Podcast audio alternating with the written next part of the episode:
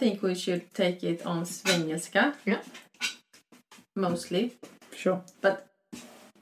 If someone laugh at me, I don't, it doesn't matter. It doesn't matter for me.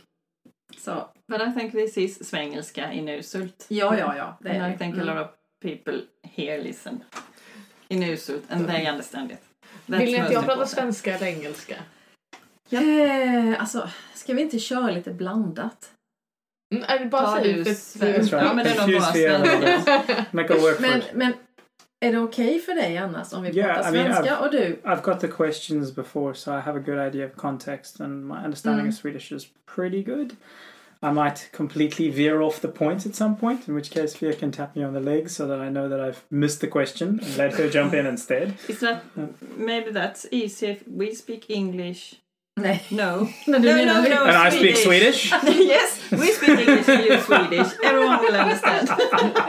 is it easy if we speak English and you No, Eh, no, no, Swedish and you English? I mean, Speak Swedish. it's okay. Jag tror det blir enklast. Ja, det kanske. Och It's going to make your lives a lot more complicated. I, Uh. like I said, I know the context of a lot of it already, and Mm. we've Mm. discussed a lot of the questions so that in a recording we don't sound stupid. Mm. So Mm. it's it's fine. You guys speak Mm. Swedish. Och I'll sen försöker English. vi också då hålla en någorlunda tid så vi liksom inte spårar iväg. Det brukar alltid vara att vi spårar iväg men vi försöker hålla oss till, vad har vi sagt? Egentligen har vi sagt 35-40 30-40 minuter. Mm.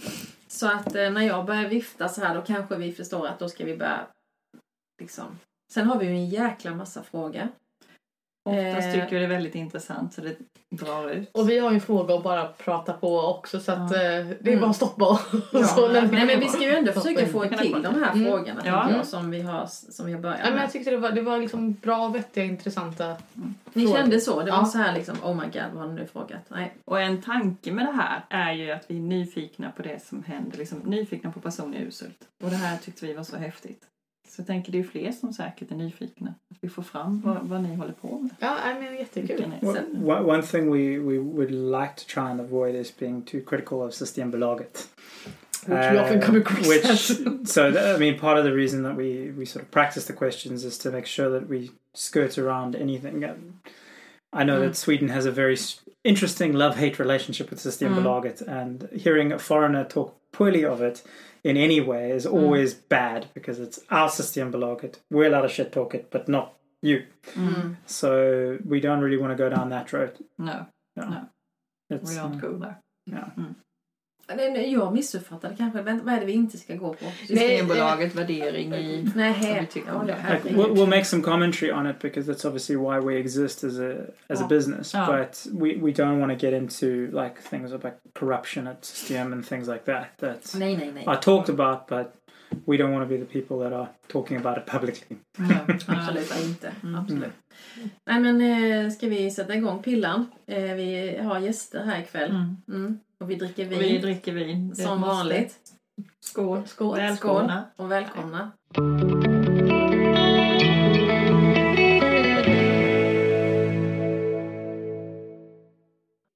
Ja, det är jag Ja. som är Lotta. Och jag är Pillan. Ja. Och vi har ju vår podd. Ja. Tantpodden Rödtjut. Så enkelt är det. Rödtjut, vet du vad det betyder? It's a nickname for uh, Red wine. red wine. Ah, okay. Like, Not the best red wine. Just need red wine tonight. Is, Mm. is that the red wine equivalent of full öl? uh, Ja, yeah, yes, yes. Same thing. It is. Och det här är så häftigt att ni är här. Det måste vi ju Absolut, ja. berätta. Ja men också att eh, hur vi träffade er Mm. och först och främst tänker jag, ni måste ju få berätta vilka ni är och vad, vad gör ni i Ursult? Ja, eh, Fia heter jag, rot i efternamn. Eh, uppvuxen i Växjö till att börja med. Eh, men hamnade 2014 i eh, Kapstaden. Eh, där jag flyttade in med Brett.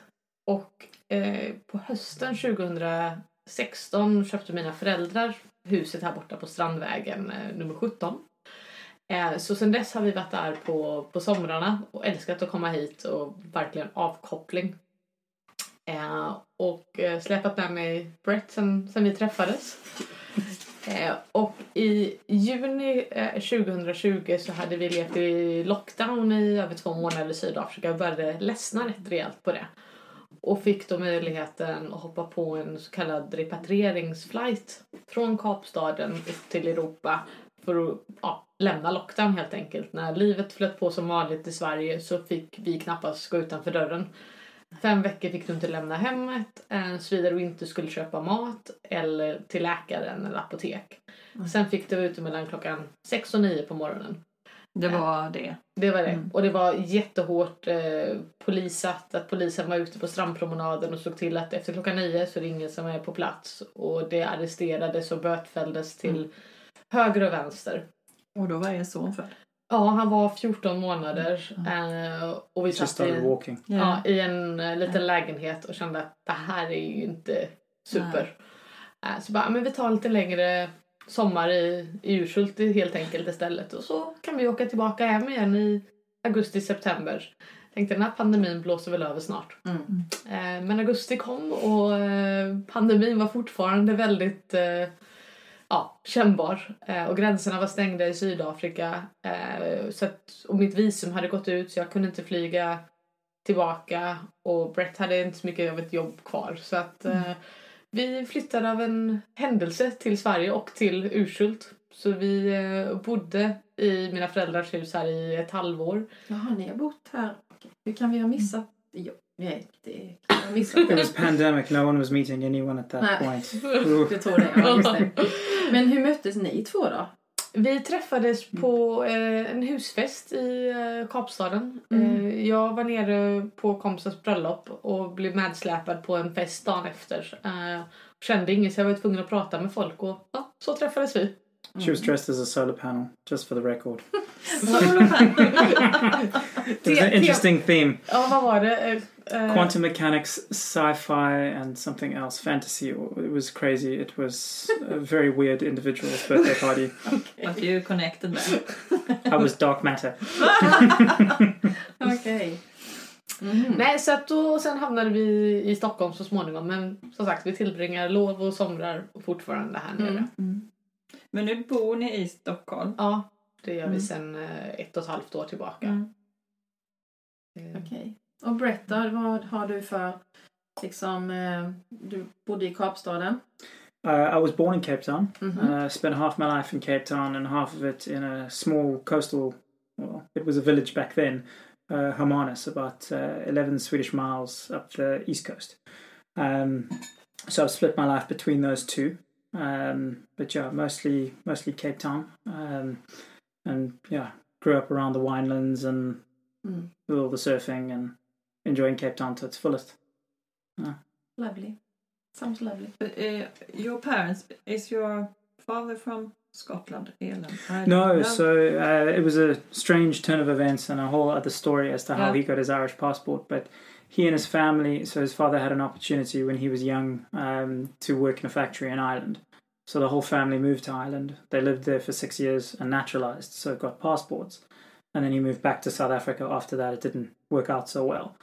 But then, because of an interesting set of circumstances, he renewed his passport before a certain year, which meant that myself and my sister and my brothers and my mom managed to get the Irish passport. Mm. Yeah, it was before he even met your mom. Or Yeah. maybe he met your mom, but you guys weren't even born. But No, we weren't in the picture Ah, at that okay, point. yeah. So, För hade du varit sydafrikansk pass, hade Ja. du fått komma? So I've, Då hade du inte fått fly- flytta från Sydafrika, va? Eller? no, technically, I still live in South Africa. Du still... yes, you I live in both. You still... Ja. Yeah. ja. Men du hade inte Mm. fått komma med repatrieringsflighten. Vi hade yeah, inte so kunnat lämna that, that was Sydafrika. that was off my Irish passport. If, Det var det som if I didn't have that, we we wouldn't have been able to be here. Nej. Och du hade inte kunnat Mm. flytta hit heller lika lätt. Mm. Nu med Mm. EU, med Mm. Freedom of Movement. Eh, annars hade de fått gå hela Migrationsverket och det hade tagit Mm. två, tre år innan man hade fått uppehållstillstånd. Så att, eh, Lite Tack, mer mig så att säga. Ja. väldigt mycket med mig. I'm still an immigrant, but not a difficult immigrant. Nej, okej, okej. Men jag tänker så här att vi, vi nu pratar vi på här, vi Mm. vill, alltså jag tänker anledning till att ni sitter här det är ju för att vi blev, eh, fick ju lite nys om att ni importerar, nej, du håller på med viner och hela kvarteret här är ju då eh, fancy av viner. Vi bara, vi vill komma, vi vill komma, alla ville komma. På denna Eh, fantastiska på den här vinprovning. vinprovningen då Ja. som Fia och Brett höll. Det var väl så vi knöt kontakt helt enkelt. Så jag menar det är väl därför ni är här idag för du ska få berätta för oss om eh, ert, ni ska berätta om ert jobb, tänker jag, som vinimportörer.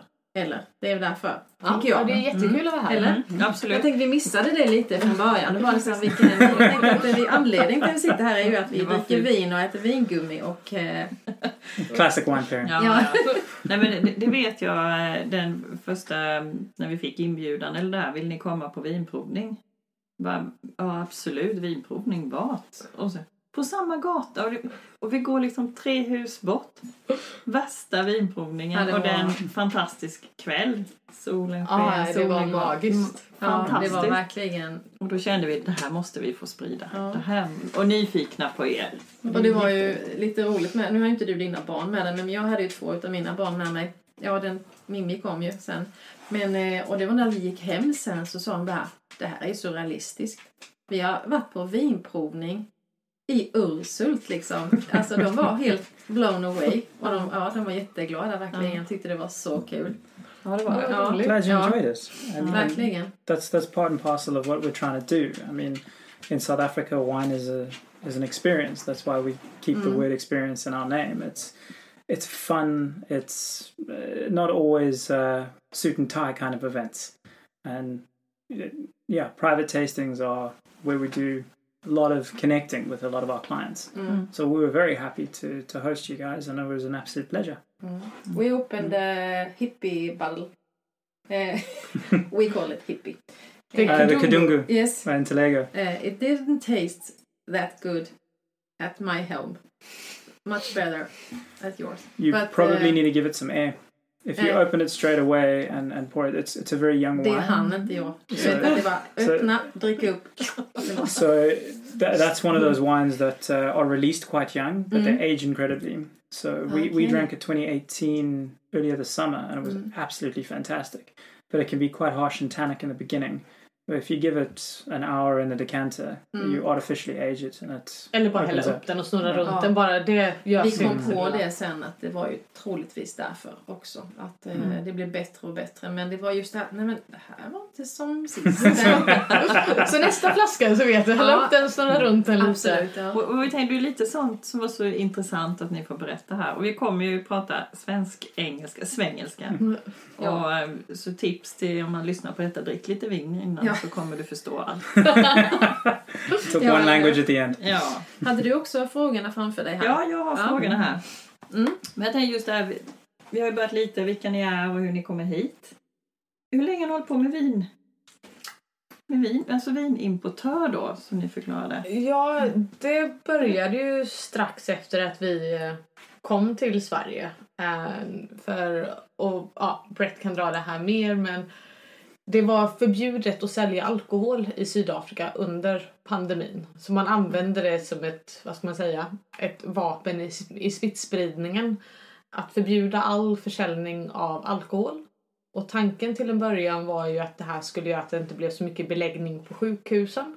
För det är mycket med eh, körning under ja, men under influens eller... Domestic violence and uh, aggravated assault and all those kind of things. It's- alkohol. Precis. Inblandat. It's it's Ja, very high. It's uh, I, I, stand on a correction, but it's it's about seventy percent of admissions to public hospitals in South Africa are often alcohol related. Mhm. So the thought process behind it was cut the alcohol, cut the need for the beds, Mm. which lasted for about a week, and then people started finding independent ways of finding alcohol, Yeah. but it didn't stop the ban.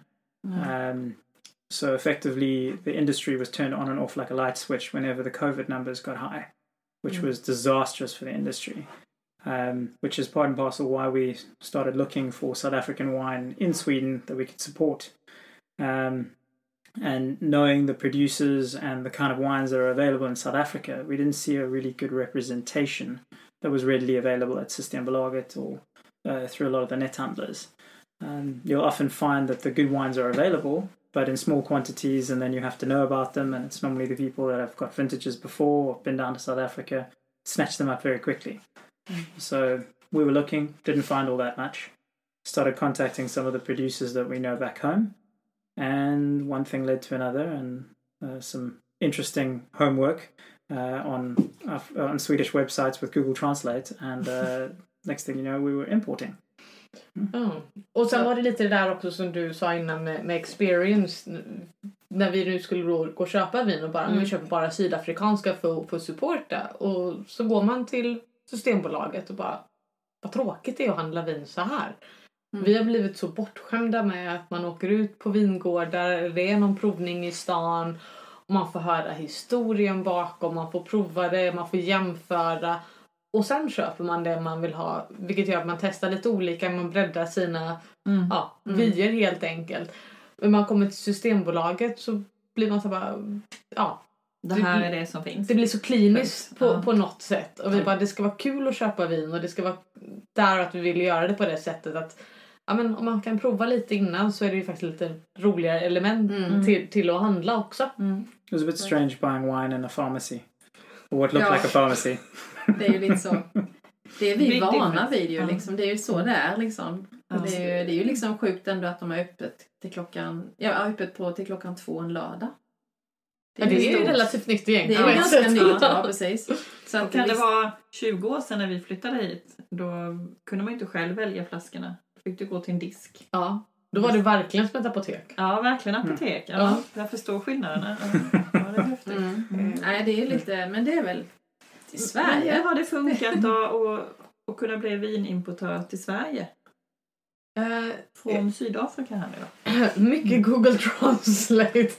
so it was about two months of running through um, Skatteverket and Tullverket's websites uh, with Google Translate, trying to decode and understand uh, what the requirements are and putting everything in place. Um, it, it, it's difficult to try and get started uh, without any connection to the wine industry, and I was very fortunate to pick up a, a mentor out of South Africa, at least, that could give me some insight into um, what you would need so that I had a base level of understanding. But there's no one really willing to help competition to get started within Sweden.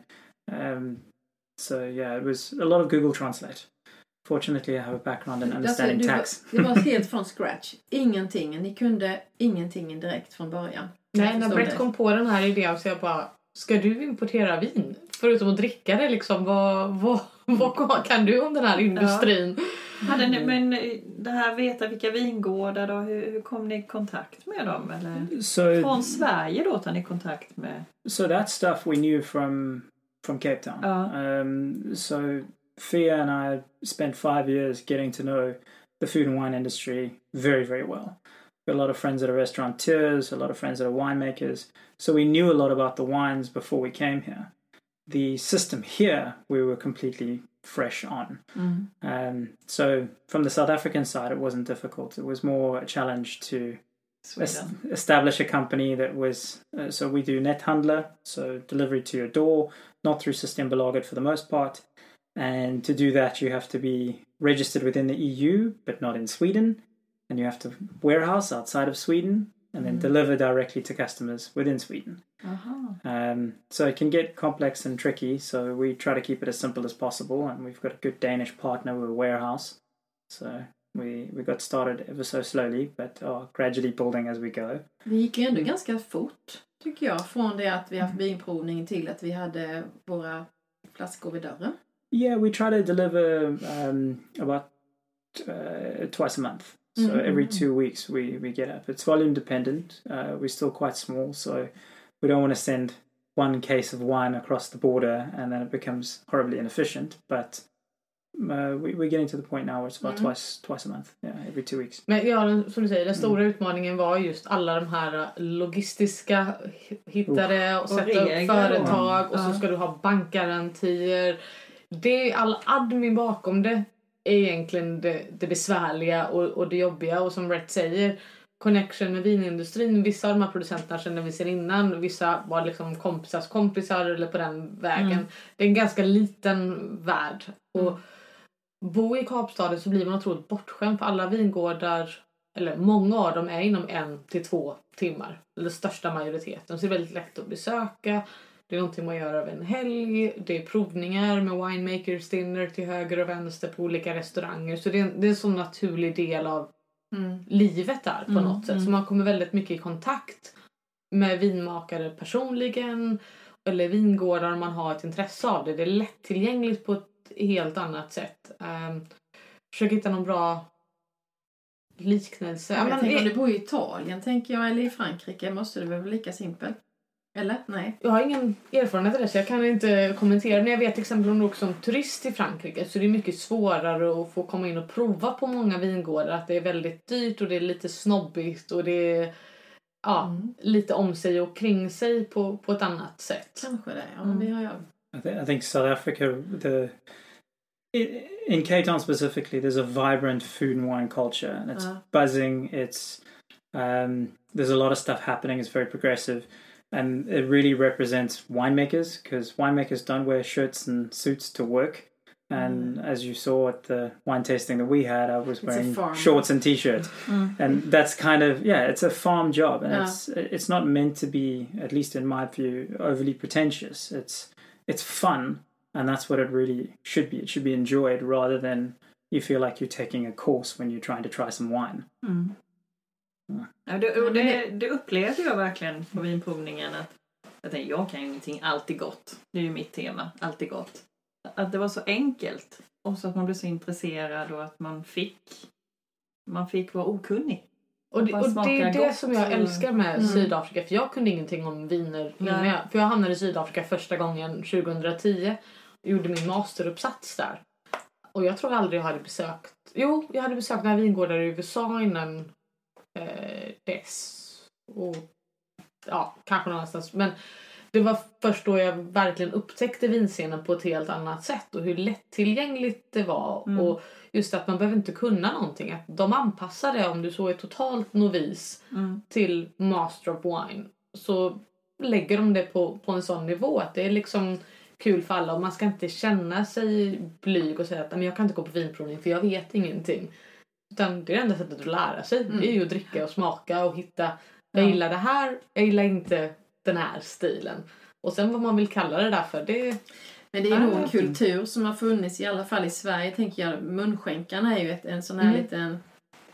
Ja, en... Känner ni till dem? Ja. Mm. Ja. Och det har jag, remember. Ja. ja. Ja. Mm. men då har jag, all, jag har alltid i alla fall tänkt så nej men det är ju ingenting för mig för det, det är ju bara fina damer och herrar som sitter Som där och kan. bara vet så här. Och det har alltid varit lite snobbigt Mm. att kunna vin. Men Mm. Jag tycker inte Oh det yes, längre. the, you, you smell the the unicorn tail Yes. and uh, the butterfly farts and all kinds of other things like that.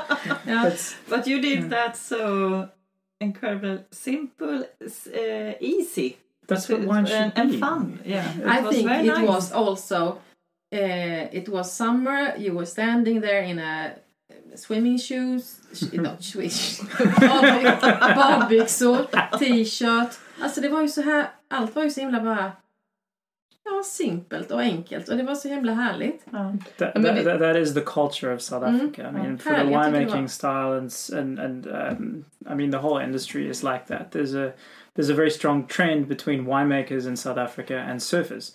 Mm. Uh, a lot of them are surfers. In fact, there's a there's a competition every year, a winemakers competition of surfing.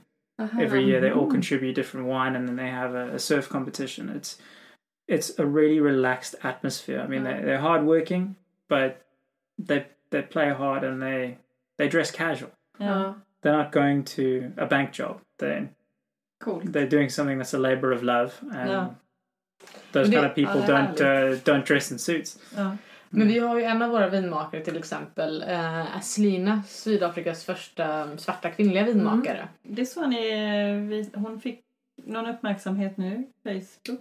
Ja, vi delade med. Ja. Ja. som var i England precis Ja, här nu. Och liksom det, det är sånt som man verkligen vill pusha ska få all, all uppmärksamhet. Men hon är, om du gör en provning med henne så kommer inte hon sitta och säga att du ska lukta och känna de här bären, smaken eller vad det nu är. För att när hon hamnade i vinindustrin, hon hade aldrig smakat vin innan. Men hon fick ju då det här eh, stipendiet till att studera och det råkade vara vinmakeri och det var hennes möjlighet att göra någonting annat än att städa hus. Mm. Eh, och hon sa det att hon kände sig ju ja, men ganska liksom intimidated av hela den här att de pratade om frukter och maträtter hon aldrig hade smakat, hade ingen aning om vad det var. Mm. När de pratade om tryffel så trodde hon att det var chokladtryfflar väldigt länge. Så Ah, hon ja. bara, jag vill inte att någon annan ska ha den här upplevelsen att de känner att äh, men jag vet inte vad de pratar om och inte våga fråga eller våga ta del av det utan man ska sänka den där tröskeln. Men hur Mm. började hon då? Hade hon några plantor då i baksäcken? Eller, liksom, eller hur, hur började hon? Köpte hon en vingård eller hur? So, so in South Africa, there's um, there's a rising trend of winemakers buying fruit and renting space. So one of our producers, uh, Radford Dale, they were the pioneers of this. I think back in 1998, they were the first remote winery. They didn't own the land and they didn't own the cellar. So they bought the fruit that they were happy with, and then they started making the wine. So it it's become a culture of um, a much lower barrier to entry uh, for winemakers. So you can buy the fruit, make the wine, and sell the wine rather than having a 50 year investment in a piece of land that you don't necessarily know that that's actually the right land for the right kind of grape. So Ja, ja. It's South Africa is very different to France and Italy in terms of its rules and its structure. It's part of the new world, so you don't have that same. This is what you do, and this is how you do it, and this is where you do it, but rather the Wild West. Mm. Um, and a lot of that's been happening since the fall of apartheid in '94, um, where previously producers were, if you had 40 hectares of land, you could say, okay, I want to plant 40 hectares of vineyards. And you'd have to go to the government. The only place you could sell the wine was in South Africa because of the sanctions. And they would then dictate if you want to sell the wine in South Africa, you can plant 30 hectares of Cabernet Sauvignon and 10 hectares of Merlot. So they would dictate it to you rather than you got to choose. So in 1994, vineyards started getting ripped up when that structure disappeared. So over the last almost 30 years, people have been learning what grows best in different regions. And a lot of the producers that are really uh, raising the reputation of South African wine globally are producers that started planting after that date. So you're getting some really magical stuff that's happening without the restrictions of this is Bordeaux, it's from Bordeaux, it has these cultivars in it, it's grown in this style, can only have this kind of bottle, can only do that. South Africa, it's it's quite different. Och, och då var hon en pionjär då i detta att fånga de här olika när man fick välja. Både, hon startade ganska sent så det här startade liksom kanske kring slutet av 90-talet att du fick Ja. välja. Ja. Och hon kom in på då viticulture and oniology. Yeah, it's winemaking. It's uh, yeah. School. It's it's a it's a degree from. Um, Aha. so she did it. Uh, if we're talking about Selena specifically, she did it at Stellenbosch University, which is the prominent winemaking school out of South Africa. And um, the reason you say viticulture and oniology, the one has to do with the farming side of things, and the other one has to do with the stuff in the cellar. So um, there was previously a disconnect. There was growers and winemakers, but premium wines around the world are starting to realize that wine is made in the vineyard, not in the cellar. So you need to be involved with the whole process in order to make good quality wines. So at Stellenbosch they teach both, which is why you have those two aspects of it. Ja, och hon hade bra betyg från gymnasiet, sökte stipendie. Fick det här. Hon skulle bli kemiingenjör, så det här var inte planen. Eh, Men som sagt, hennes enda eh, möjlighet till att få en utbildning.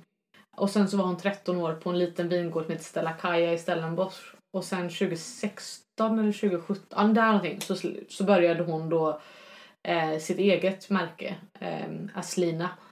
Och då har hon ju också fått det här liksom att hon har beställt, hon har hittat vilka druvor hon vill ha, beställer dem och så får hon någonting helt annat levererat. Hon bara, det här är inte de jag valde ut.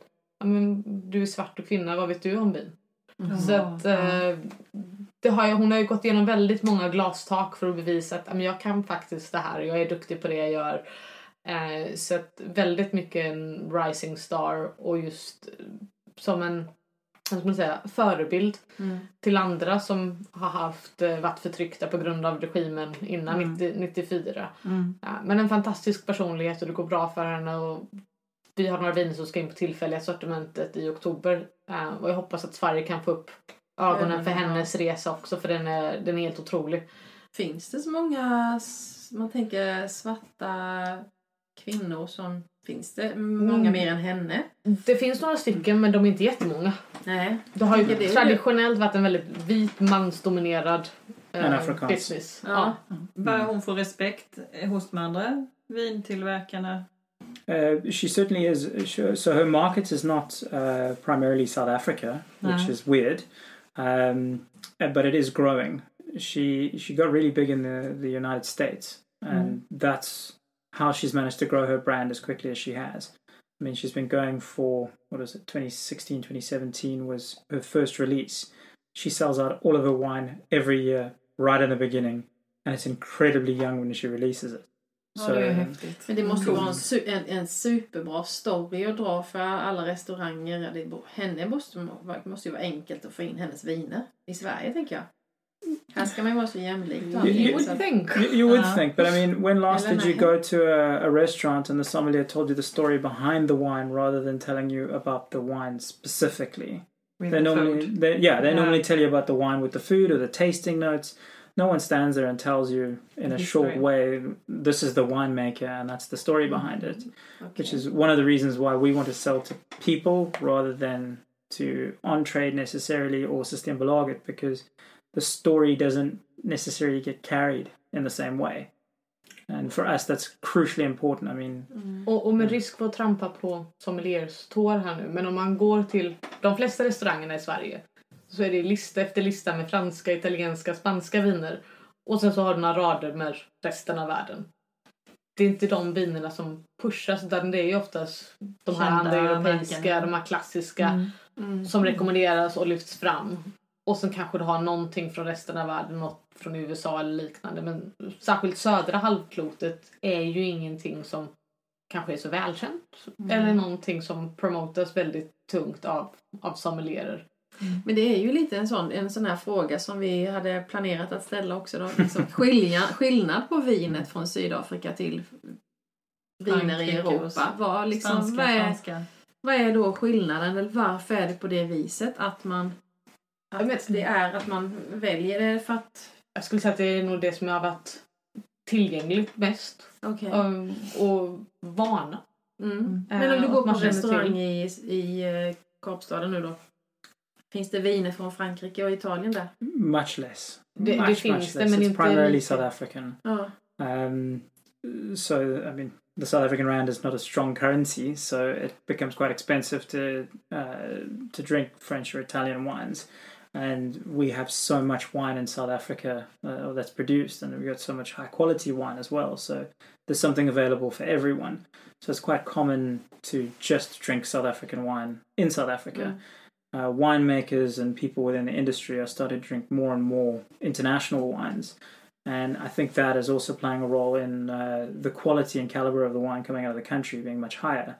Because we're now benchmarking against international standards rather than against ourselves entirely. Mm. Um, but I mean, to the point about uh, sommeliers in, in Sweden, it's it's not that we're trying to stand on toes or anything like that, but people are buying primarily Italian, French, and Spanish wine within Sweden.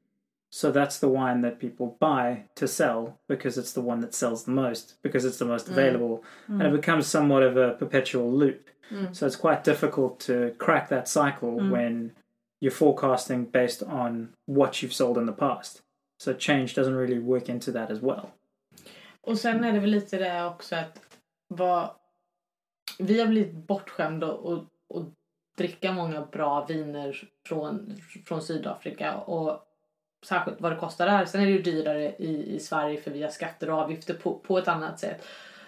Men min uppfattning är i alla fall att man kan få väldigt mycket eh, valuta för, för pengarna. Mm. Att den marknaden är inte så, vad ska man säga, Brett kallar det för efficient marketplace. Att betalar 80 euro för en flaska i Frankrike, ja men då får du en flaska som är värd 80 euro. Gör du det i Sydafrika då kan du ja, få det eller få någonting som är värt 1600 eller någonting som är värt 500. Att det liksom kan variera rätt Mm. mycket. De hittar fortfarande liksom lite vart de, Mm. vart de står nå- någonstans. Vi har en eh, vinmakare som eh, finns representerad i Sverige, inte, inte av oss, men som är en, en ja, god vän till oss. Vår son har sitt eh, breath wine från hans vingård. Okej. Och han eh, brukar alltid göra det när han kommer på eh, försäljningsresor till Sverige. Så köper han, om han till exempel har en flaska för 50 euro från Sydafrika och så köper han flaskor eh, för 50 euro från olika länder och så gör han en blindtest dem man ska sälja. Eh. Eh, bara för att ah, men det här är vad ni får för 50 euro i respektive land. Vilket hade ni valt? Och han bara, det är alltid de som jag tar med från Sydafrika för den prisponten som vinner. Att Som, du, ja. lite för att det kanske inte är lika erkänt ännu. Och det är man ju oftast billigare när man kommer lite som the underdog. Mm. Vad är det ni, ni tycker just med det, om man jämför skillnad sydafrikanskt och europeiska viner? Kan ni säga någon skillnad eller vad? So I, I think it's difficult to, to make that kind of comparison because you're comparing an entire country with an Mm. entire country kind of thing. And within that, you have different bands. You've got bulk wine, you've got premium wines, and you've got things in between. So when you're looking at really good wines, you're talking about terroir and climate. So what the soil's made up of, and you know the climate that's involved, and how the grapes are grown and how it's produced within the cellar. And I mean, what we like to focus on is, is a term that we use is honest wines. It's uh, wines with minimal intervention, and you're not adding in acids and sugars and tannins and all kinds of things in the cellar, but rather focusing on good fruit production to make good wine. Mm. And when you look at, uh, say, France, I mean, there's the typical regions that everyone is familiar with. There's good Bordeaux in Bordeaux. There's good Champagne in Champagne. In the Northern Rhone, there's good Syrah and those kind of things. South Africa is well known for Stellenbosch Cabernet Sauvignon, and more recently it's Chenin Blancs. But there's a range of different wines that are coming out, different styles, and I mean, the top South African producers are starting to compete with uh, with say French or Italian producers in terms of like for like with the same style. But really, it's it's more about the specific elements of that region that make something good. So something really cool that's been happening is people have been playing with different cultivars and they're making them shine out of South Africa because they're figuring out how to grow them best, uh, and that's really the, the area we like to focus on. Mm. Och sen är det väl att varje region i varje land har fantastiska viner. Sydafrika är inte det som är Mm. bäst i, i, världen men det nej. kommer fantastiska viner från Argentina, från USA, från Frankrike, från Australien. Och vi är bara så, vi älskar Sydafrika och vi vill bara att det ska få en chans att visa upp sig i Sverige också. Ja, Lika ja. väl som de som är de mest, Såklart, liksom. mest välkända liksom. Ja. Yeah, we're under no så. sorry, we're under no illusion that uh, South Africa makes the best wine in the world. We just think it makes some of the best wine Yeah. in the world. Ja. Det var en bra poäng. Men det var ju så häftigt när vi hade den här vinproven. Ni förklarade skillnaderna utifrån vart vingården låg. Mhm. Låg vi nära havet, värme och jorden, kyla. Det var, det var flera faktorer. Så att vi fick provsmaka olika utifrån vilken druva var de är mm, tillverkade Ja men precis, eller? för, att, för oftast tänker folk, ja men Sydafrika, det är Stellenbosch. Ja, Men det är ju ett ganska stort område som man har druvodlingar Mm, över. Det mm. är otroligt olika stil om det är en- inne i landet eller nära kusten eller liknande.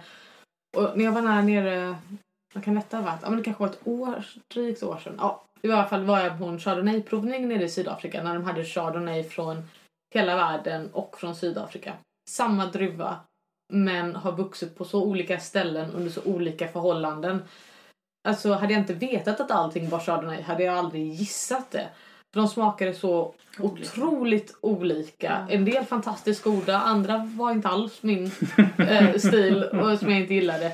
Så det går ju att göra så mycket med en och samma mm. druvsort. Och det är lite där liksom, ju mer man testar och smakar desto mer hittar man det man gillar och det man gillar mindre. Mm. Men det är klart att det måste ju påverka Mm. liksom väder, vind, jordmåne eller vad sjutton det heter. Alltså det är klart att det måste göra...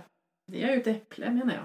Ja, nej det men, och det är rätt kul. Man går till en, eh, om man har möjligheten att få prova samma vin från samma liksom block från då 2015, 2016, 2017 till exempel.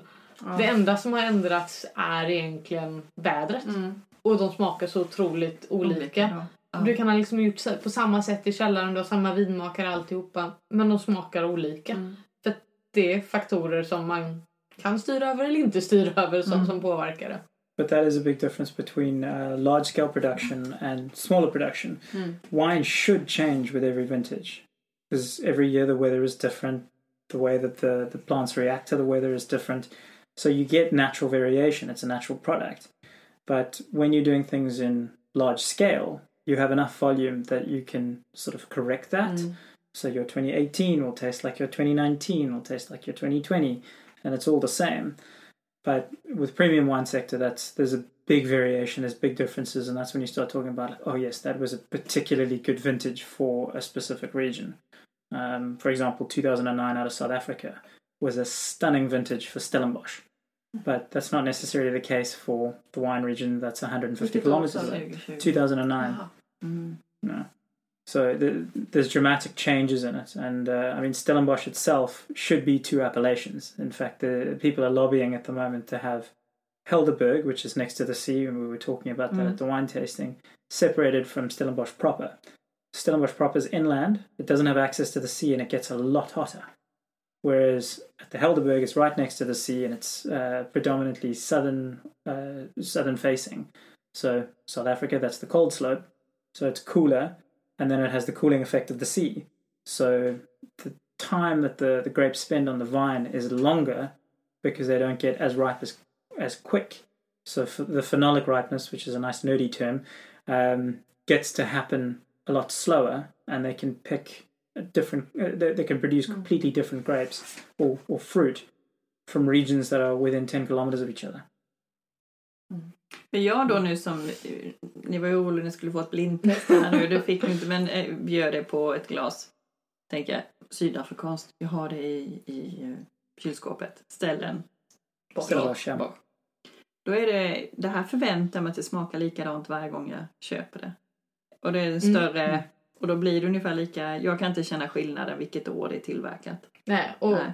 They're a very big producer. Och And skulle jag ha olika smaker så blir det "Öh, vad är detta? Eller det är så, så desto större då, då blir det mer industri. Det förväntas en smak. Det It, blir, it has to do Mm. with production and production volume. So if you're producing on a smaller volume, then Mm. that stands out very, very quickly. So you don't have the capacity to blend the wines in such a way that you Mm. get a uniform outcome. So you have to, it's the lowest con- common denominator, and you have to really work at it to make sure that you end up uh, with a good wine rather than necessarily it tastes exactly the same as the vintage before. mm. Jag tänker kvalitet och kvantitet, det finns ju liksom... Så simpelt är det ju egentligen. Mm. Oftast är det ju mer Vi, kvalitet i mindre och stora volymer blir det ju inte så bra. ja, jag tänker att vi förväntar oss en Mer smak. mycket. Alltså man köper en dunk Mm. vitt vin. Jag förväntar mig den här smaken. Ja. Men jag, jag funderade på, Mm. ehm, vi hade det hur... Nej, det är borta. Det är borta.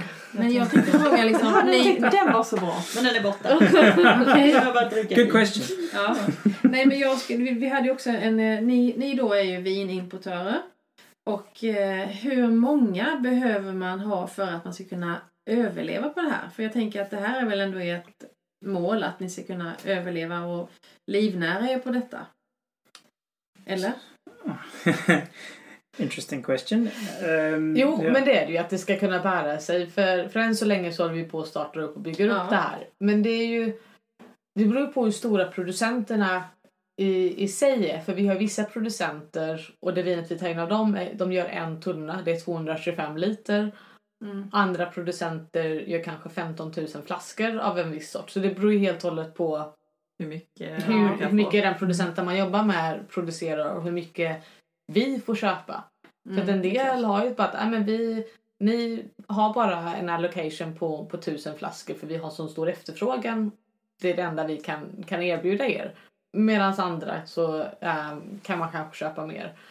Men man... Hur många har ni nu då? Nu har vi 12 producenter. 12? Mm. Ja. Eh, We started with eight, and uh, we slowly growing the number as we grow. I mean, we're looking after the producers and promoting the ones that we start with, and then as we grow and we sell more wine, we bring on additional producers to add variety. Mm. Um, but yeah, we're slowly growing according to the criteria that we select the different uh, producers with. Är det lätt att få tag på en producent? Um, yes and no. It depends on whether or not they have agency within Sweden already. Uh, a lot of the producers we work with uh, are smaller batch, so if they don't line up kind of with the Systembolaget buying practices of needing a lot of wine, Mm. then it's quite easy. But um, it, it's quite a, a saturated market, Sweden in general. Um, so I wouldn't say it's too difficult to find the producers at all. No. Um, we have some that we might want to look into, eller på svenska. Eh, men, men det är vissa som ehm, man kanske skulle vilja ta ombord men det känns inte rättvist ännu för att vi behöver få ut det till en större massa i, i Mm, Sverige så för att vi faktiskt ska kunna göra dem rättvisa.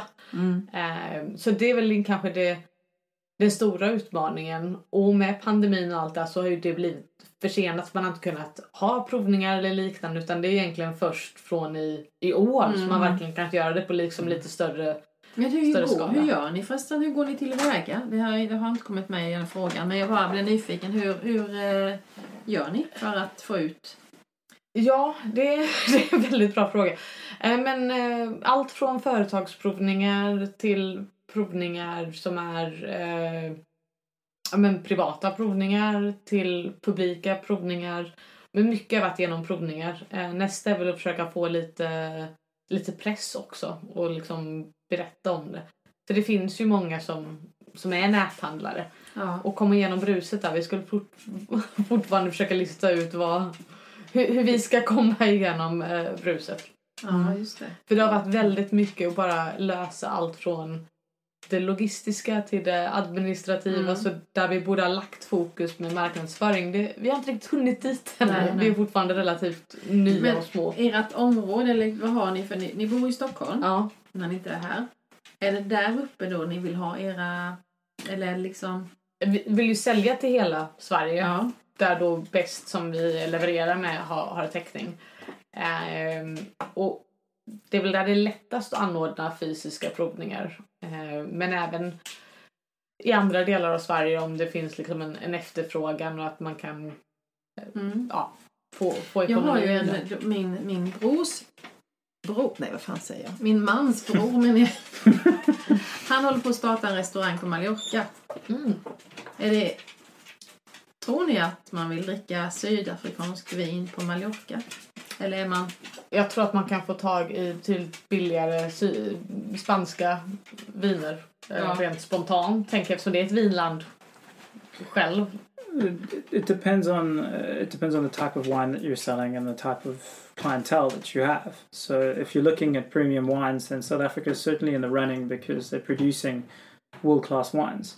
But at the same time, there's a large bulk market in South Africa as well, and then that will be competing directly with a bulk market that's national rather Mm. than international. So. Um, depending on the market that you're operating in and your clientele, that's whether or not you'd be interested in international wines. Ja, vi kan få hans... Kolla in hans... Eh, han håller precis på att starta i september nu en restaurang. Känns lite som hippie-vinet skulle passa. Ah, okej. Mm.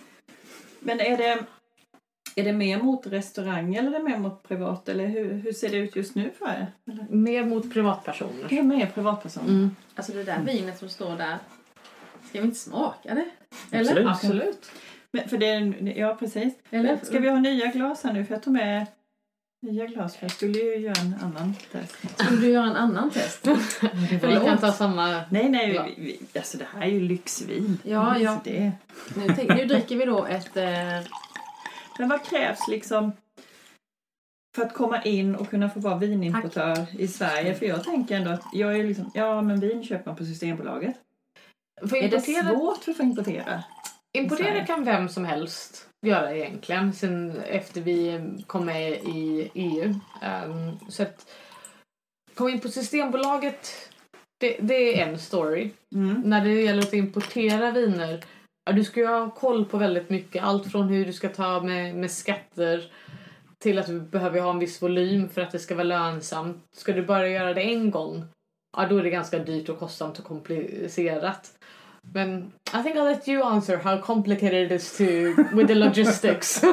Logistics, logistics is not the simplest part of our business. Um, so to be an uh, so there's three ways you can buy alcohol in Sweden as a private private individual. You can uh, buy through Systembolaget as retail. Uh, you can buy in the trade sector, so you can go to a hotel or a restaurant and you can buy it as an individual, or you can do a private import. Uh, Systembolaget um, does facilitate some private import, but if you start looking off the beaten track, like not what they're predominantly importing, um, it can get quite expensive and take a lot of time. Uh, but also, you, you have the right to import yourself from another EU country. And what we and a lot of net handlers are doing is you start a company within the EU, uh, you import to that country, and then you sell directly from an EU company to a Swedish individual.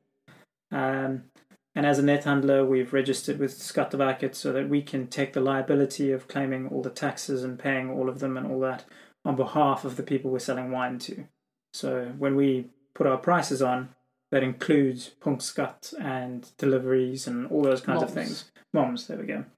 Mm. Uh, so it includes all that stuff. As an individual, if you were to just buy it through a company that's not registered as a net handler, then you're liable to do all of those things. So it could get stopped at customs, and then you have to go through the process of, okay, that's what the punktskatt is, that's what the cost is, so now I must pay another 25% in the VAT, and all the rest of it. So we're really just making the process a bit easier and then marketing it as well. Mm. Mm. Och jag tänker här du, i fattar du Sydafrika. allt detta nu? Jag, vet, jag, jag tänker, om man bara backar. Ni sa att i Sydafrika fick ni verkligen inte dricka vin under lockdown. Ö- ö- Det här med alkohol. Ja. Och jag tänker här var det nästan tvärtom. Och då är vi ändå väldigt begränsade i Sverige. Vi är strukturerat med Systembolaget. Men det var ju där vi bara var och handlade. Det var ju Systembolaget.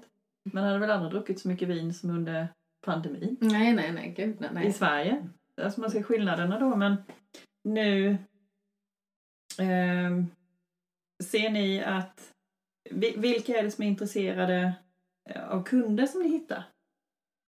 Till en början så var det ju liksom vänner och familj och sen så har ju det här liksom spridit sig Ja. till ja, men andra som är vinintresserade, sådana som har varit i, i Sydafrika. Eh, så att det är ganska stor spridning. Jag skulle säga att medelåldern ligger nog kring 50. Yeah. Mm. Ja. Mm. It's normally people that have either um, bought wine at Systembolaget in the past when there was a lot of wine Mm. Uh, from South Africa on the shelves, or people who've been down to South Africa, or friends of those people. Um, but I, I think the, the best description for our business would be a sort of grassroots movement. Like, Mm. uh, when we come into contact with people, the expectation is normally quite low because it's South African wine, and the, the overall expectation is it's going to be cheap wine. Mm. Bag and And box. bag and box, and the Mm. kind of thing that uh, South Africa is known for here. Ja. But then when we pour the wine, people are almost always surprised Mm. um, and impressed by the quality. And for that reason, we have a high rebuy rate. And then people are spreading the word. They they come to a tasting, they really like it. They go home and they tell all their friends. Mm. Uh, one of the hurdles we had to get over in the beginning is uh, you're less likely to tell your friends about a friend's business than you are to tell a friend about a business that you found. So Översätt detta sen. Det är, den är Mm. bra som. Ja, men lite sådär att eh, man kanske... Om man aldrig har provat det innan så kanske man inte promotar sina vänners business utan att veta vad det är för att man vill inte sätta sitt namn på det. Men om du är helt random och hittat något coolt. Ja, det här var riktigt häftigt. Ja, men då berättar jag för mina vänner ja. om det. Eh, istället för att ah, men det är bara en kompis som, som gör det här. Att det blir, Det blir lite lättare. ytterligare liksom, effekt om man har Mm. hittat det på, på egen hand på, Ja. på något sätt. Är det, nu, berätt, nu sa du det på ett eh, väldigt bra sätt. På engelska låter det mycket bättre. Allting låter alltid, allting låter alltid mycket bättre på engelska. Men jag menar, är det liksom ett, eh, är det något ordspråk man säger i, på engelska? Is it like a saying? no, no, no not necessarily. I mean, it's just something that we observed as as the business. I mean, uh, we had friends ordering a lot of wine from us, Mm. but not telling their friends or promoting it in the slightest. Men Så- vi, var, Nej, ju- jag- vi var så jag- många vänner där Ja. borta så att vi har ju pratat, nej det är fan sant alltså, Ja. det är rätt läskigt. So, so as soon as as soon as you get past that sort of first degree of separation, then it's a lot more relaxed, and then it grows. So we had a, a lot of an uphill struggle in the beginning because we started with a network of friends and family, which was great because they liked the wine, they trusted us, they bought the wine, but there was very little spread. So as soon as we started hosting tastings that were a little bit more out there and with less people we knew, then the word started spreading a lot Mm. quicker. Mm. Och jag tänker att det är perfekt timing i Sverige, just vänners vänner. Nu. För vi har ju provsmakat det mesta på bolaget efter pandemin så vi är ju nyfikna på nytt. Och det är lite det liksom, och jag tror att vi är så, jag har inte reflekterat över det här tidigare men jag inser mer och mer att vi blir så, ja men lite hjärntvättade att det är syst- Systembolaget man går och man handlar och alltihopa. Ja, ja. Men nu när man har både läst på om, om vad som finns tillgängligt där men också kollat upp andra som gör vad vi gör med samma fokus och idé att men man ska kunna köpa från de mindre spanska eller italienska eller franska eller från Balkan eller vad det nu är. Hur mycket mer roliga viner det finns där Mm. som jag inte kan få tag i på Systembolaget så kanske att folk vågar liksom testa något Ja, det var något nytt liksom att Ja, man Det är kunde göra snart så här. val och, och liksom i Sverige. Nej men liksom det där att gå utanför sin, sin comfort Mm. så, har vi nog att det finns väldigt mycket roligt som inte är på, på Mm. Systembolagets hyllor men som finns på, på nätet. Mm. Eh, för att det finns så många roliga och härliga historier och filosofier från både liksom europeiska, amerikanska och i vårt fall sydafrikanska producenter som vi verkligen vill lyfta fram. Att Mm. man kan dela med sig av dem. Liksom man går till en middag så här, ah, men vi har valt det här vinet för att och sen kan man dra historien om det lika väl som att man säger att ah, men det passar till köttgryta. Eh, Men jag tror Mm. också samtidigt att det måste ju handla lite om att i Sverige finns det ju ingen vinkultur. Nej. För det finns ju inga som odlar här. Så det är väl mycket därför tror jag. Att det liksom, vi måste ju liksom importera det för att Ja. komma, för att det ska komma hit. Men det hade varit roligt just att få lite historia kring ett vin. Mm. Typ även på system. Om nu, Ja, absolut, Få veta ja. lite kring att det här är den första kvinnliga som har kommit så här. Man vet ju ingenting. Ja men det finns ju små lappar på systemet där det står liksom om det är... Räka. Vad det passar till. The, tasting notes and the Ja. three circles. Ja, Ja. och sen något som är väldigt And the viktigt. little animals. Något som är väldigt viktigt nu det är också hur många gram socker det är i. Hur många gram socker? Nej. Ja, men, Men det är ju extremt viktigt numera för om man ska... När, eh, vad var det för LCHF eller någonting som... Ja, men det är många som någon- frågar bara hur mycket det- socker är det? Jag bara, det står på hemsidan, jag har inte alla Ja, men jag är själv lite nördig på det men det... Fast det kanske... Jag vet inte. Så Alltså, mycket vin dricker man As, inte. as a general rule, most of our dry white wines are under two grams per liter, Mm. which is the standard for well-produced white wines that are on the dry side. And you you get your residual sugars from either a I mean, there's a number of different reasons, and I'm not going to go into it. It's all about fermentation, and there's there's a whole science and art to finishing off wines. But you can get a lot of sweetness added by people adding sugar in the wines, Mm. which is something that we don't like to do, uh, or we don't like our producers to do. They don't like to do it. That's a Mm. better way of saying it. Mm. Um, I mean that that falls back to that that point I was making earlier about honest wines. It's that you you make the wine in the vineyard, so that by the time you get to the cellar, you don't have to be adding sugars to get alcohol or to get sweetness. You don't have to add tannins or acids or anything to complete the wine, because that's effectively putting makeup on a pig. Um, you really want the wine to be showing by the time it gets there. Mm. So residual sugars is not really a big conversation in South Africa or with premium wines for the most part around the world because people are following the right processes to make the wine rather than the after ads Ja. in the cellar. Mm. Mm. För jag tänkte, nu har ju ni hällt upp här det här vinet som vi måste smaka. Och något jag reflekterade när vi var på vinprovningen, det vi pratade om innan, att ni, ni var noga med det här med Åh, känner du vad det luktar? Kan ni inte berätta det som man lär, alltså, jag tyckte ni sa det på ett sånt, det var så intressant, roligt sätt.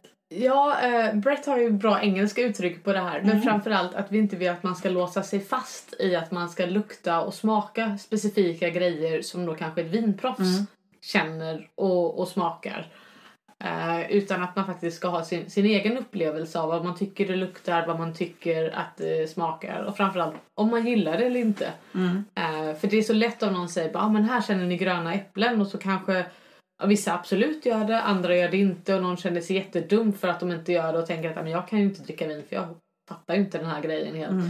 Utan istället att man, ja, men man luktar på det, gillar man det eller inte och att man kanske fokuserar mer på att ja, men det här passar bra till den här typen av mat eller det här är storyn bakom som kanske är intressant eller dråplig eller vad, vad det nu kan, Mm, eh, kan vara. Att Men det är ju det Det var som en är upplevelse. Ja, Det ska vara och det- kul att dricka vin. Och det är precis det egentligen jag tänker så här. Har man inte träffat rätt, har man varit på någon vinprovning bland snobbiga Ja. människor så är det så här. Känner du eh, eken? Eller känner du korken Björnbär. eller björnbär? Eller, och man, nej, nej, känner Choklad. ingenting. smells Och like då är- wine. Ja, precis. Och då är det ju liksom, fan vad illa, vad dålig jag är. Ja men det är ju så. Och så kanske man ändå tycker det är gott. Ja, jag menar det, ja.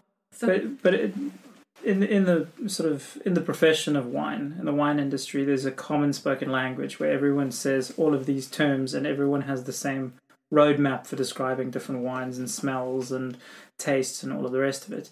But uh, I mean, the description Theo was talking about is.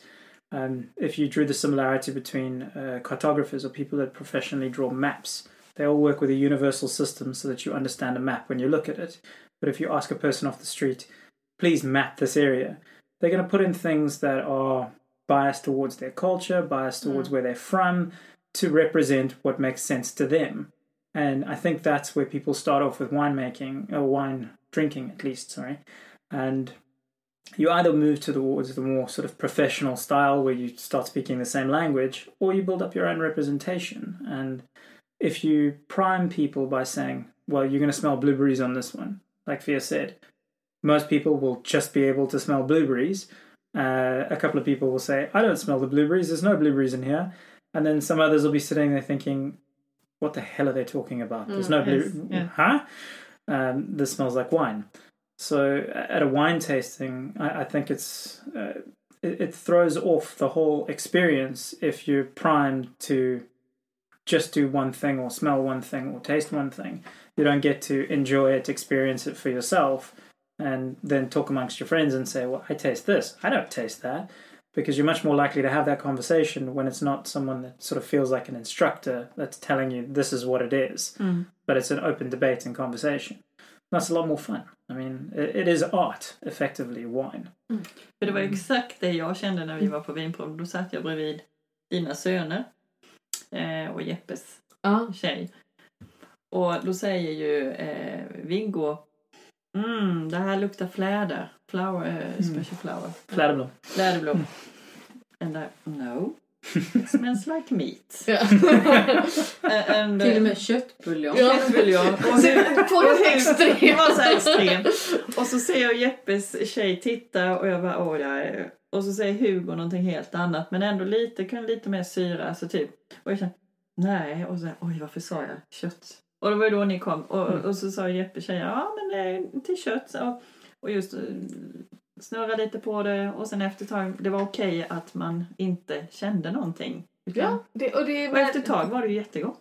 Väldigt kraftigt och gott. Och det är okej att känna så här. I think you should write all our marketing. Ja, jag tyckte det var så häftigt för det var verkligen fläder, jag känner ingen fläder. Det var det första man fastnade vid det liksom. Jag måste känna fläder. Ja. Och sen blir ju Viggo osäker när inte en annan känner det. Man märkte hur viktigt det är att vi ska... en igenkänningsfaktor. lika. Man Ja. ska känna någon lukt. Och om då någon säger så här, ah, men det är hints av det här och det Ja. här och det här och sen det här har ni längst fram på tungspetsen, längre Mm. bak känner ni det här och då blir man ju helt låst och så Ja. tappar man Allt. det, det roliga eller det i roliga, det ja. liksom.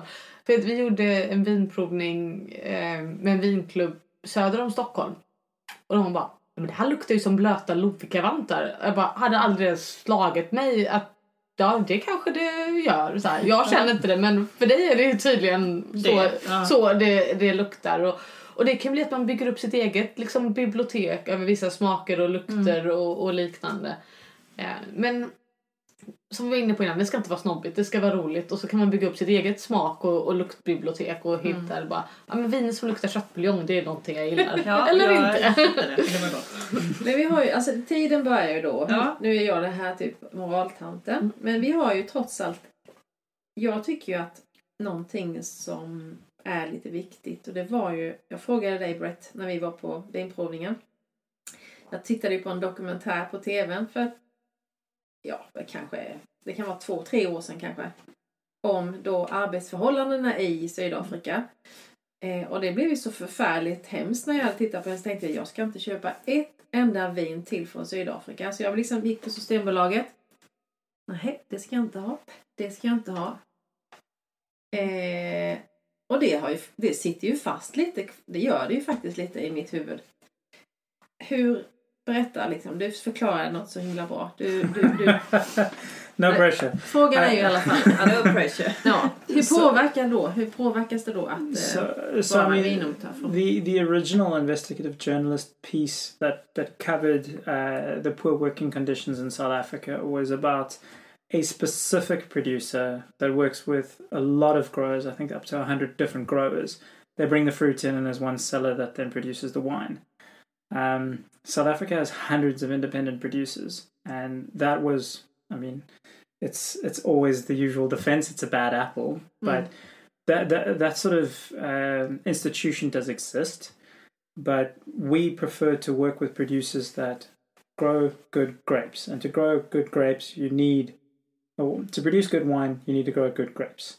To grow good grapes, you need good staff that knows what they're doing, and to do that, you have to retain staff, and to retain staff, you have to look after them.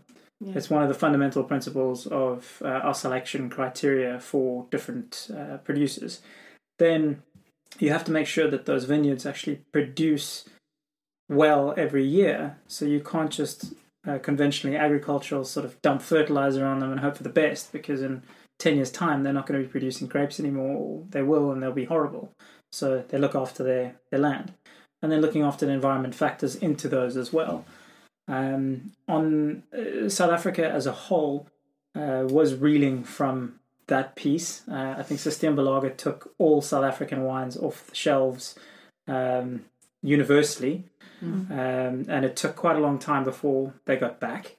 Um, but if you if you look at the industry, the South African Wine Board they issue something that's called a bus ticket, Ah. uh, the little sticker that goes on the neck of the bottle, and they've been introducing. I think it was in 1999 that they started introducing the little sticker on the side that shows that it's an integrity and sustainability. It is. Mm, ja. And part of that is auditing working conditions within the vineyards, access to health and safety equipment when you're working with anything that could be dangerous, uh, having parental leave that is, I mean, without getting into the specifics about South Africa as a whole, you're at the bare minimum uh, paying the minimum wage and you are giving the required holidays and overtime and you're not abusive to uh, staff and all the rest of that.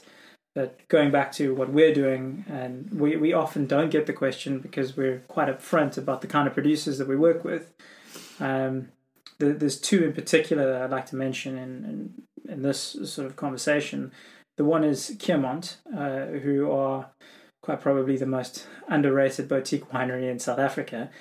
But their their philosophy is we need to look after our vineyards.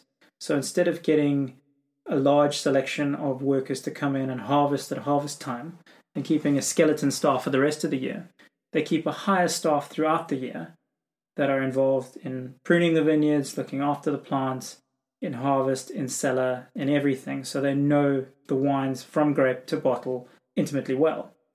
Um, and that then uh, combats the big problem that's been happening in South Africa of large teams of migrant workers that come in at harvest time and then need to leave again.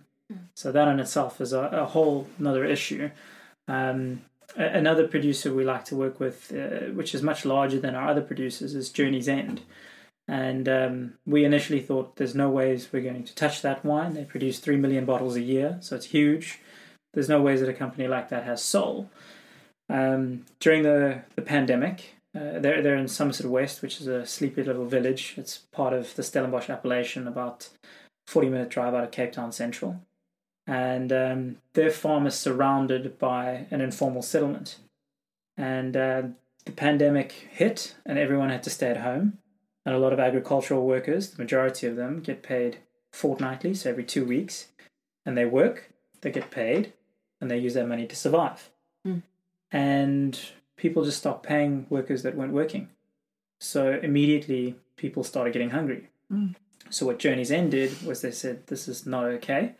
We can't sell our wine, but we can still do something about this. Mhm. So they started a fund to fund a soup kitchen specifically for the area. And the goal was to feed, I think it was 10,000 meals a week that they were aiming to do.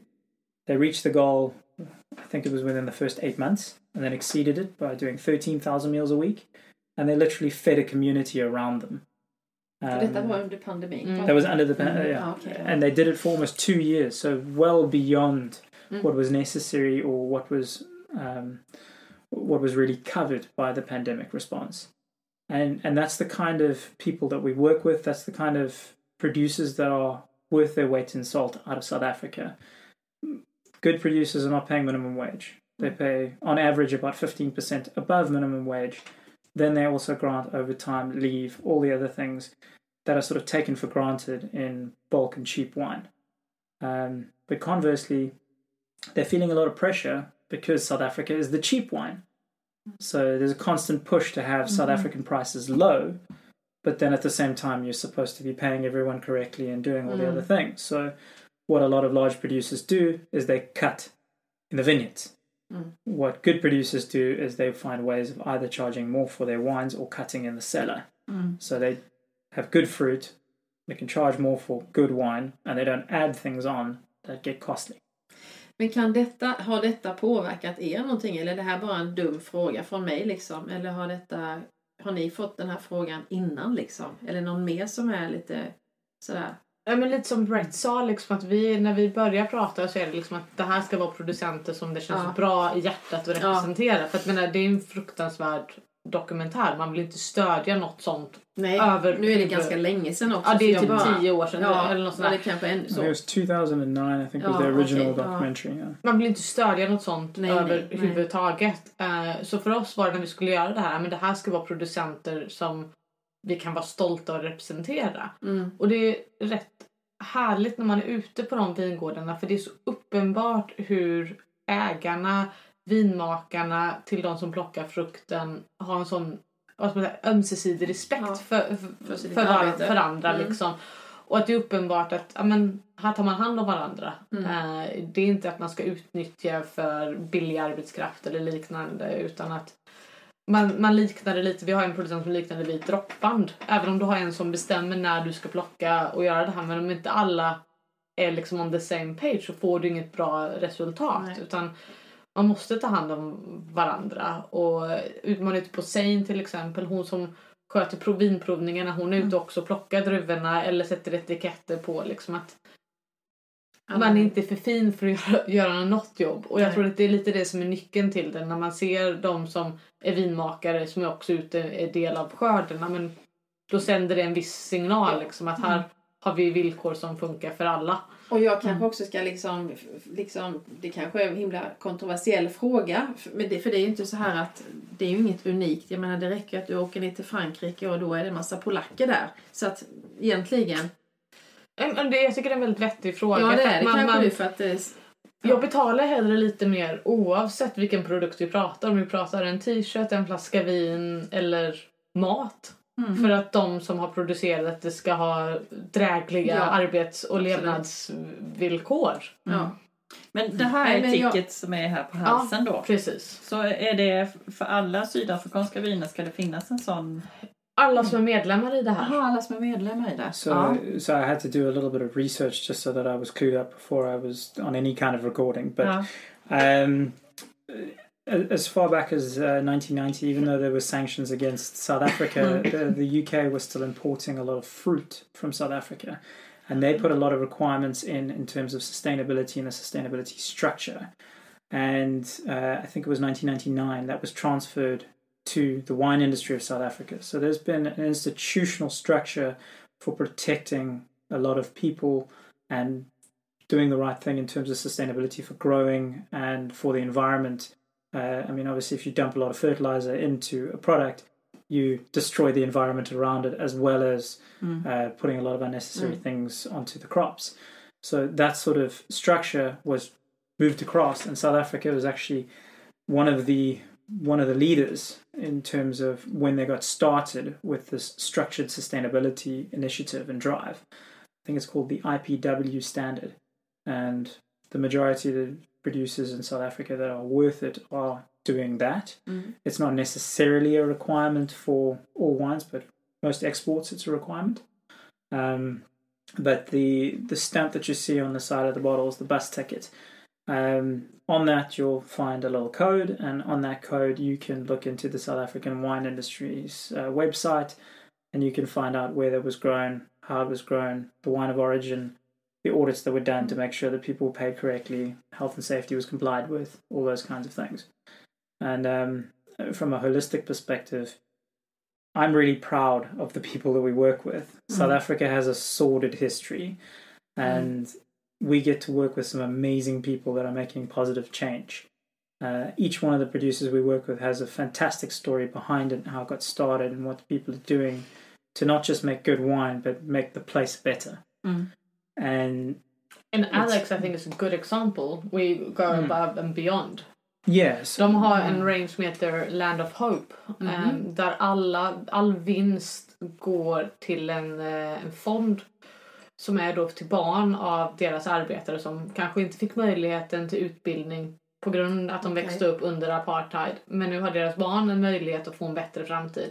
Så alla då, pengar som går in i den här fonden går till att de här barnen ska kunna få då en utbildning och en bättre framtid än vad deras föräldrar Mm. eh, ja. hade möjlighet till. Eh, och, men även om det är ett ganska stort företag, Radford Dale, så att jag kommer inte ihåg vad siffran är nu på eh, deras turnover, men den är extremt låg. Eh, utan många stannar kvar där väldigt länge för att Mm. De De ser, ser fördelarna med det och de ja. blir omhändertagna. So they're quite an interesting producer. So Alex moved down to South Africa in 1994 as Nelson Mandela was released, and he handed in his resignation in uh, in Beaujolais or Burgundy, and he said, "No, I'm going down to go and find the go and explore some of the oldest soils in the world." Which is another weird and wacky concept, but uh, South Africa the wine region of the Western Cape has um, some really, really old soils that have been pushed to the, the surface due to the movements of the the earth. So you've Mm. got, I think it's what six million year old soils, decomposed things that are now sitting there in the vineyard. So you're getting some really interesting stuff that's happening. But he chased that down in 1994, and he was not prepared to come before Nelson Mandela was released. Four years later, he started Radford Dale with his previous partner Ben Ben Radford, and he's done incredible things. But they pioneered this remote cellar idea, and even now that that they own land, it's all in small tracts. So you'll find four hectares here of the kind of cultivar that they want to grow, and the kind of soil that they want to grow, and the kind of environment that they want to grow it in. But then they have fifty of those. Mm. So they'll have small, Small batch of this, small batch of that, small batch of that. and then they bring the overall prices down by using one seller. Well, now two that they've just bought another farm, but Mm. so they keep the prices down like that, but they still have unique and interesting parcels that they work with rather than one massive field of Cabernet Sauvignon or Mm. one massive field of of Chenin or something like that. Ja, häftigt. Mm, det är häftigt. Jag vet att vi drar över här Ja, nu jag drar vi vet. över rejält. Men, men jag, det var något som slog mig i morse. Okej. tänker så här, kändisviner är jättevanligt i Sverige. Ja, just det. Ja, alltså, vi måste ju skapa ett eget vin. Men, men är det vanligt i... Alltså, eller skulle det kunna vara en marknadsföring för er att ni har en kändis på ett vin? Eller vad? Det här, ni- Lottas det, det, här, det här är off the record. Ja, Men det är det värsta jag vet. De Det här är förbannade så. kändisvinerna. Ja, men det är också, men det var är ju löjligt. Uh, no, but all these famous people just putting their Oh. face on the wine bottle. vad säger om det? Alltså det, jag var Ja, tvungen det redan kan de om viner känner jag. Förmodligen ingenting Nej. alls. De får betalt och sen så är det någon fo- form av liksom bag-in-box bulkproduktion. It, Och de it bara, depends oh. entirely on the producer Men- behind. Men det jag skulle säga, det, Okej. finns, en, det finns en kändisproducent i Sydafrika och han kan faktiskt sin grej. Ernie Els, eh, golfare, Jaha, eh, okej. som hade en väldigt duktig vinmakare. Så att det finns... he didn't in the beginning. No, but, but but he kind of grew to become an establishment and, and good. I think I think it's sold now, um, but they still have his name. Men alltså alla de här, typ, menar, det finns ju vissa, Mannerström tror jag har Mm. något som är ganska, ganska vettigt men jag har ju svårt att se typ att, Laila Bagge. Ja men alla de här och Måns. Zelmerlöw och alla de här, alltså Får man dricka Måns eller får man inte dricka Måns? jag, jag, ja, jag vill inte ens prova dem. Jag Eh, såg men din jag, jag är Jag bara inte liksom dricka. anti hela konceptet. Att den här, visst, har du ett genuint vinintresse som du kanske har om du är en kock eller liknande, ja men då vet du förmodligen bra Mm. vinproducenter. Men om du bara är någon influencer eller wannabe, Nej. Ja, det var, jag var Nej. tvungen att Det fråga. här vinet måste jag säga, det var Ja, fantastiskt det här är jättegott. Ja, det här är Jättegott. Glad you like it. väldigt bra. Riktigt gott. Men bara en, en sista nu för jag tänker vi är nyfikna på er, ni finns här i huset. Men om man skulle vilja kan man ta kontakt med er för att ha en vinprovning? Eller? Absolut, och så får vi se vad vi, vad vi kan lösa. Men det är man absolut välkommen. Jag menar, på hemsidan kan man ringa oss, eller ja, våra Mm. telefonnummer står där och e-mailadresser. Eh, och beroende på om man vill prata svenska eller engelska så kan man välja med, med vem av oss man vill, eh, vill prata med. Men det, det som Brett brukar säga, han bara, det som ändå är det roliga med att vara näthandlare, han bara, jag känner alla mina kunder. Jag, liksom, I Ja. början, som vi har börjat ganska smått, så har han ju ringt runt till alla som har köpt vin till en början. Särskilt om vi inte kände innan. Liksom bara, hur hittade du oss? Vad tycker du om det? Vad gillar Ja, du för ja. någonting? Hade vi bara sålt till då Systembolaget, ja, men då hade vi inte haft en aning om vem som black box. hade, Mm. hade köpt Ja, men det är klart man ska eh, vin. skapa ett nätverk också på det här Ja. viset som är... Exactly. Ja. Och men det, det som vi har gillat med att handla vin i Sydafrika är att det oftast har varit en väldigt personlig upplevelse. Ehm, att ibland sitter vid något tillfälle satt man i något litet skjul med jordstampat golv och sitter och dricker vin med, med en vinmakare som drar hela sin livshistoria och liknande. Och det är ju det som är liksom det roliga, det Ja. spännande. Och det är lite den vi vill ha också. Att vi vill att man ska kunna ringa till oss eller mejla oss och fråga bara ah, men det här är min fråga eller fundering eller bara bolla idéer. Mm. Att man har den personliga kontakten genom provningar eller vad, vad det nu kan, kan Vad är ett nästa steg här nu då? Nu åker ni från Urshult imorgon eller? Eh, ja, Mm. Eller blir- om, jag, om vi har packat färdigt. Probably Friday morning. Ja, fredag morgon. Eh, vi, nu ska vi ha en företagsprovning i Stockholm eh, nästa vecka. Men vi, eh, det står på to-do-listan här nu att börja lista upp vad vi ska göra för, för hösten. Men framförallt mycket fokus på hur ska vi göra marknadsföring när man har eh, noll och ingenting till budget. Hur kan Mm. vi använda det här på, på Mm. bästa sätt? Eh, Kan ni livnära er på detta? Nej, nu, just gud, nu? nej. Nej, nej. okej. eh, så jag, yet. det är tur att jag är Nej, mammaledig just nu. Nej, men jag tänker hur... eh, va- ja. Nej, men planen var när vi drog igång det här eh, så var det så här bara att ja, men, två år eh, så behöver det inte dra in några pengar. Det, det kan vi liksom rodda. Vi kan leva ja. på, på, på en lön. Ehm, men därefter så måste vi ändå ha kommit upp i sådana volymer att vi behöver inte kunna ta ut någon jättelön men att Brett kan ta ut Ja. lite pengar i alla, Men två i alla år kan man fall. väl säga. Typ två, tre år innan man är Ja, färdig liksom. Precis. Eh, så att, We, we are getting there. I mean, we, we started off initially, we were somewhere around, I mean, we had an initial first order that entailed three months of pre sales. So it all went out in one go, and that was about a hundred, no, almost a pallet of wine, which is about 720 bottles. So it went off once. And then then the slow creep started because uh, people have just bought the wine from you. You're not going to sell wine to the exact same people again immediately, less likely. Då, Um, if, if, we don't, if we don't live in Urshult.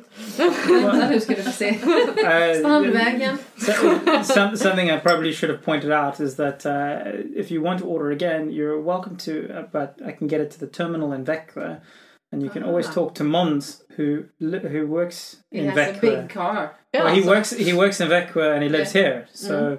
If you want to order, we can make a plan that it can get to you. Does he there. know that? That he's, a, he's the new... I thought maybe you can have that conversation with him. I, think, I thought he vi. was a new employee uh, Mm. to deliver. Men om man säger Stockholm då skulle ni kunna ordna Där kan vi ordna provningar, ordna utan, provningar. Ja, utan, eh, utan problem. Eh, så att, och vi hade ju det som kanske har lite försenat hela, Oh, vad ska man säga, startupen är att vi hade ju en vinleverans i höstas som skulle kommit i september. Den kom i november, december för att som många säkert som importerar saker har märkt med alla containrar och shipment, Mm. det är mycket förseningar. You went via Israel. Ja, Mm. den här hamnade i Israel Aha. istället för i Sverige. Kom, åker de med båt? Nej. Yeah, det it was supposed to go Cape Town, direct Hamburg. Jaha. And then Hamburg, it gets offloaded and driven to uh, the warehouse that we have in Odense, Denmark. Mm. Mm. It went Cape Town. Then there was an alcohol lockdown, so you couldn't transport alcohol, so it delayed loading.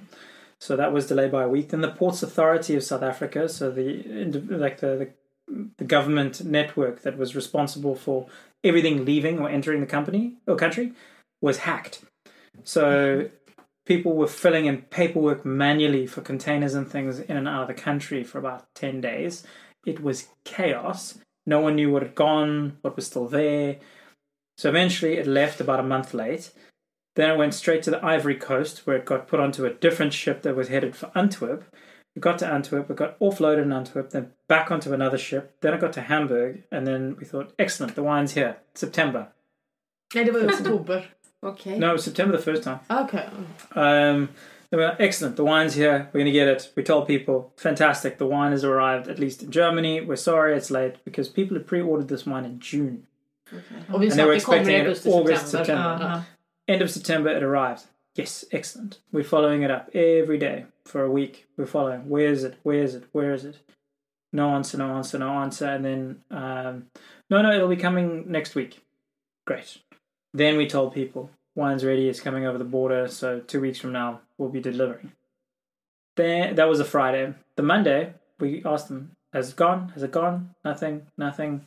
Monday afternoon, no, we think we've sent the wine to. No, that is uh, before that. They realized they didn't have the paper to release it. Oh, it yes, took, it yes. sat in Hamburg for three weeks. Yeah. Jaha, so so then det it var sat there. kvar i Hamburg i Ja. tre veckor. Ja. So th- then they realized uh, we don't have the paperwork that we need. So you you need to send us more paperwork. So paperwork got DHL'd from South Africa, despite the fact that they were responsible for making sure that the paperwork was there because it had already taken two months to get there. Oh.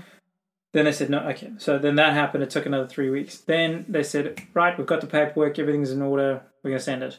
The Monday we check with them. Nothing. No comment. No comment. We think the wine has been sent to Israel. Okej. Then the They next, think. they think the wine has been sent to Israel. Then the next day, no, we think the wine has been sent to Turkey. then the next day, we're not entirely sure where the wine is. We'll let you know. Och så Two- hörde vi ingenting på några veckor. Two weeks later, they said it is definitely on its way to Israel. It then had to get imported into Israel, a kosher country, non-kosher wine. Ja. Then it got exported back out of Israel, got onto a ship, went to the UK, then back to Antwerp, then back to Hamburg. We got to Hamburg in early November and we thought, finally, this wine's going to be here because this is now the third or fourth time that people that have pre ordered from us are hearing from us. At this point, I had a picture of the Flying Dutchman. Uh, as the header of the email, and I was just saying the Flying Dutchman has your wine, and we were apologetic, but like it was completely out of our hands. And uh, I mean, we explained as best we could what was going on as we, as we got information. It took them another month and a bit to get that wine out of Hamburg, to get it imported because they'd messed the paperwork up exporting it out of Israel. Something to do with seaweed. eh, Vinimportör, eller? So, so that was our stock for four months, Okej. and it arrived three and a half. It was three and a half months later than we had expected it, on the twenty eighth of December, which, as you know, is exactly when people start buying lots of wine. Yes, yes. men men eh, det är imponerande för ni gav inte upp där. Nej. Ni bara Bara jädra. we, we had we had uh, I think it was fifty two orders from Wow. on that. Ja. One person cancelled. One. Det är ju bra. We we offered cancellations really Yeah. early in the game, saying, "Look, we know that this is a this is a mistake. We're really really sorry about it. We'll do what we can. If you want to cancel, obviously we'll honor that." Det var ingen som var desperat av vin. Yeah. so one person cancelled, and their response was, "Thank you so much for letting me know all of the information. We'll definitely be back, but I've just had enough of this now." Ah. And they have bought again. Ja, det, Okej, ja, det var det då är ju så. bra. Då. Then the majority of the people were sending us, "We're so sorry this is happening. We know that you're starting out with a new company. This is awful." So we had more sympathy from the people who were waiting from their wine because we communicated Oh. what needed to like what needed to be communicated, Mm. rather than people saying, "This is a shit company and the wine doesn't come." Mm. We had amazing reviews when the wine eventually arrived. People went on Trustpilot and started giving us five stars for communicating everything and letting them know. And yeah, so that added grey hairs. Fin, finns det Ja. någon sån, ni, ni säger nu, eh, någon app där man kan gradera? Hemsidan, eller? Är det Ja, hemsidan? På, eller? ja, men på, när du har beställt vin Ja. och fått det levererat så kommer ett mail från då Trustpilot. Det You get it two weeks. So I, you would have seen that the order was completed. Det är Ja, säkert på... Be one of the emails you get, Yeah. and then the next emails in two weeks where you can rate Då ska man the individual products, Ja. or you can rate us in general. Ja. Mm, det bara ska jag sätta Ja. Micke då för han... För, för jag menar, Ja, vi har ju så. några lyssnare till. Vi har ju en i Malais. Nej, vi har ju Mm. en i Sri Lanka. Så vi kanske har någon i Stockholm. Nej men alltså man kan Vi tala om att ni lyssnare i finns. Ja, men att vi har vänner i Stockholm. Att det finns och man kan då boka Ja, in. men hemskt gärna. Och boka in. Och även om man inte bor i Stockholm så kan man fortfarande handla och få det levererat. Ja. Eh, Men kommer vi ni försöker dela det här lite gång? på våran Är det samma? vi- också. So there, there's a page Ja, det on är our website called Tastings. Ja. And under Tastings, we list the upcoming public tastings. Mm. And then there's a little block underneath where you can put in your name, email address, and that kind of information, and how many people you would like, and Okay. where you are, so that the information comes straight to me, and I can Mm. then respond to people directly and say, okay, well, we can do that, we can't do that, or what we can do. Perfekt. Mm. Jag tänker att vi, vi, bör, vi bör i alla fall, vi får ju klippa och klistra här lite sen, men vi bör i alla fall säga tack så Ja, jättemycket tack. för att ni kom. Thank och you vi very much for önskar er, jag i alla fall, jag tänker att du är med och gör det, jag önskar er all lycka nu i eh, framtiden med er vin importör och sådär.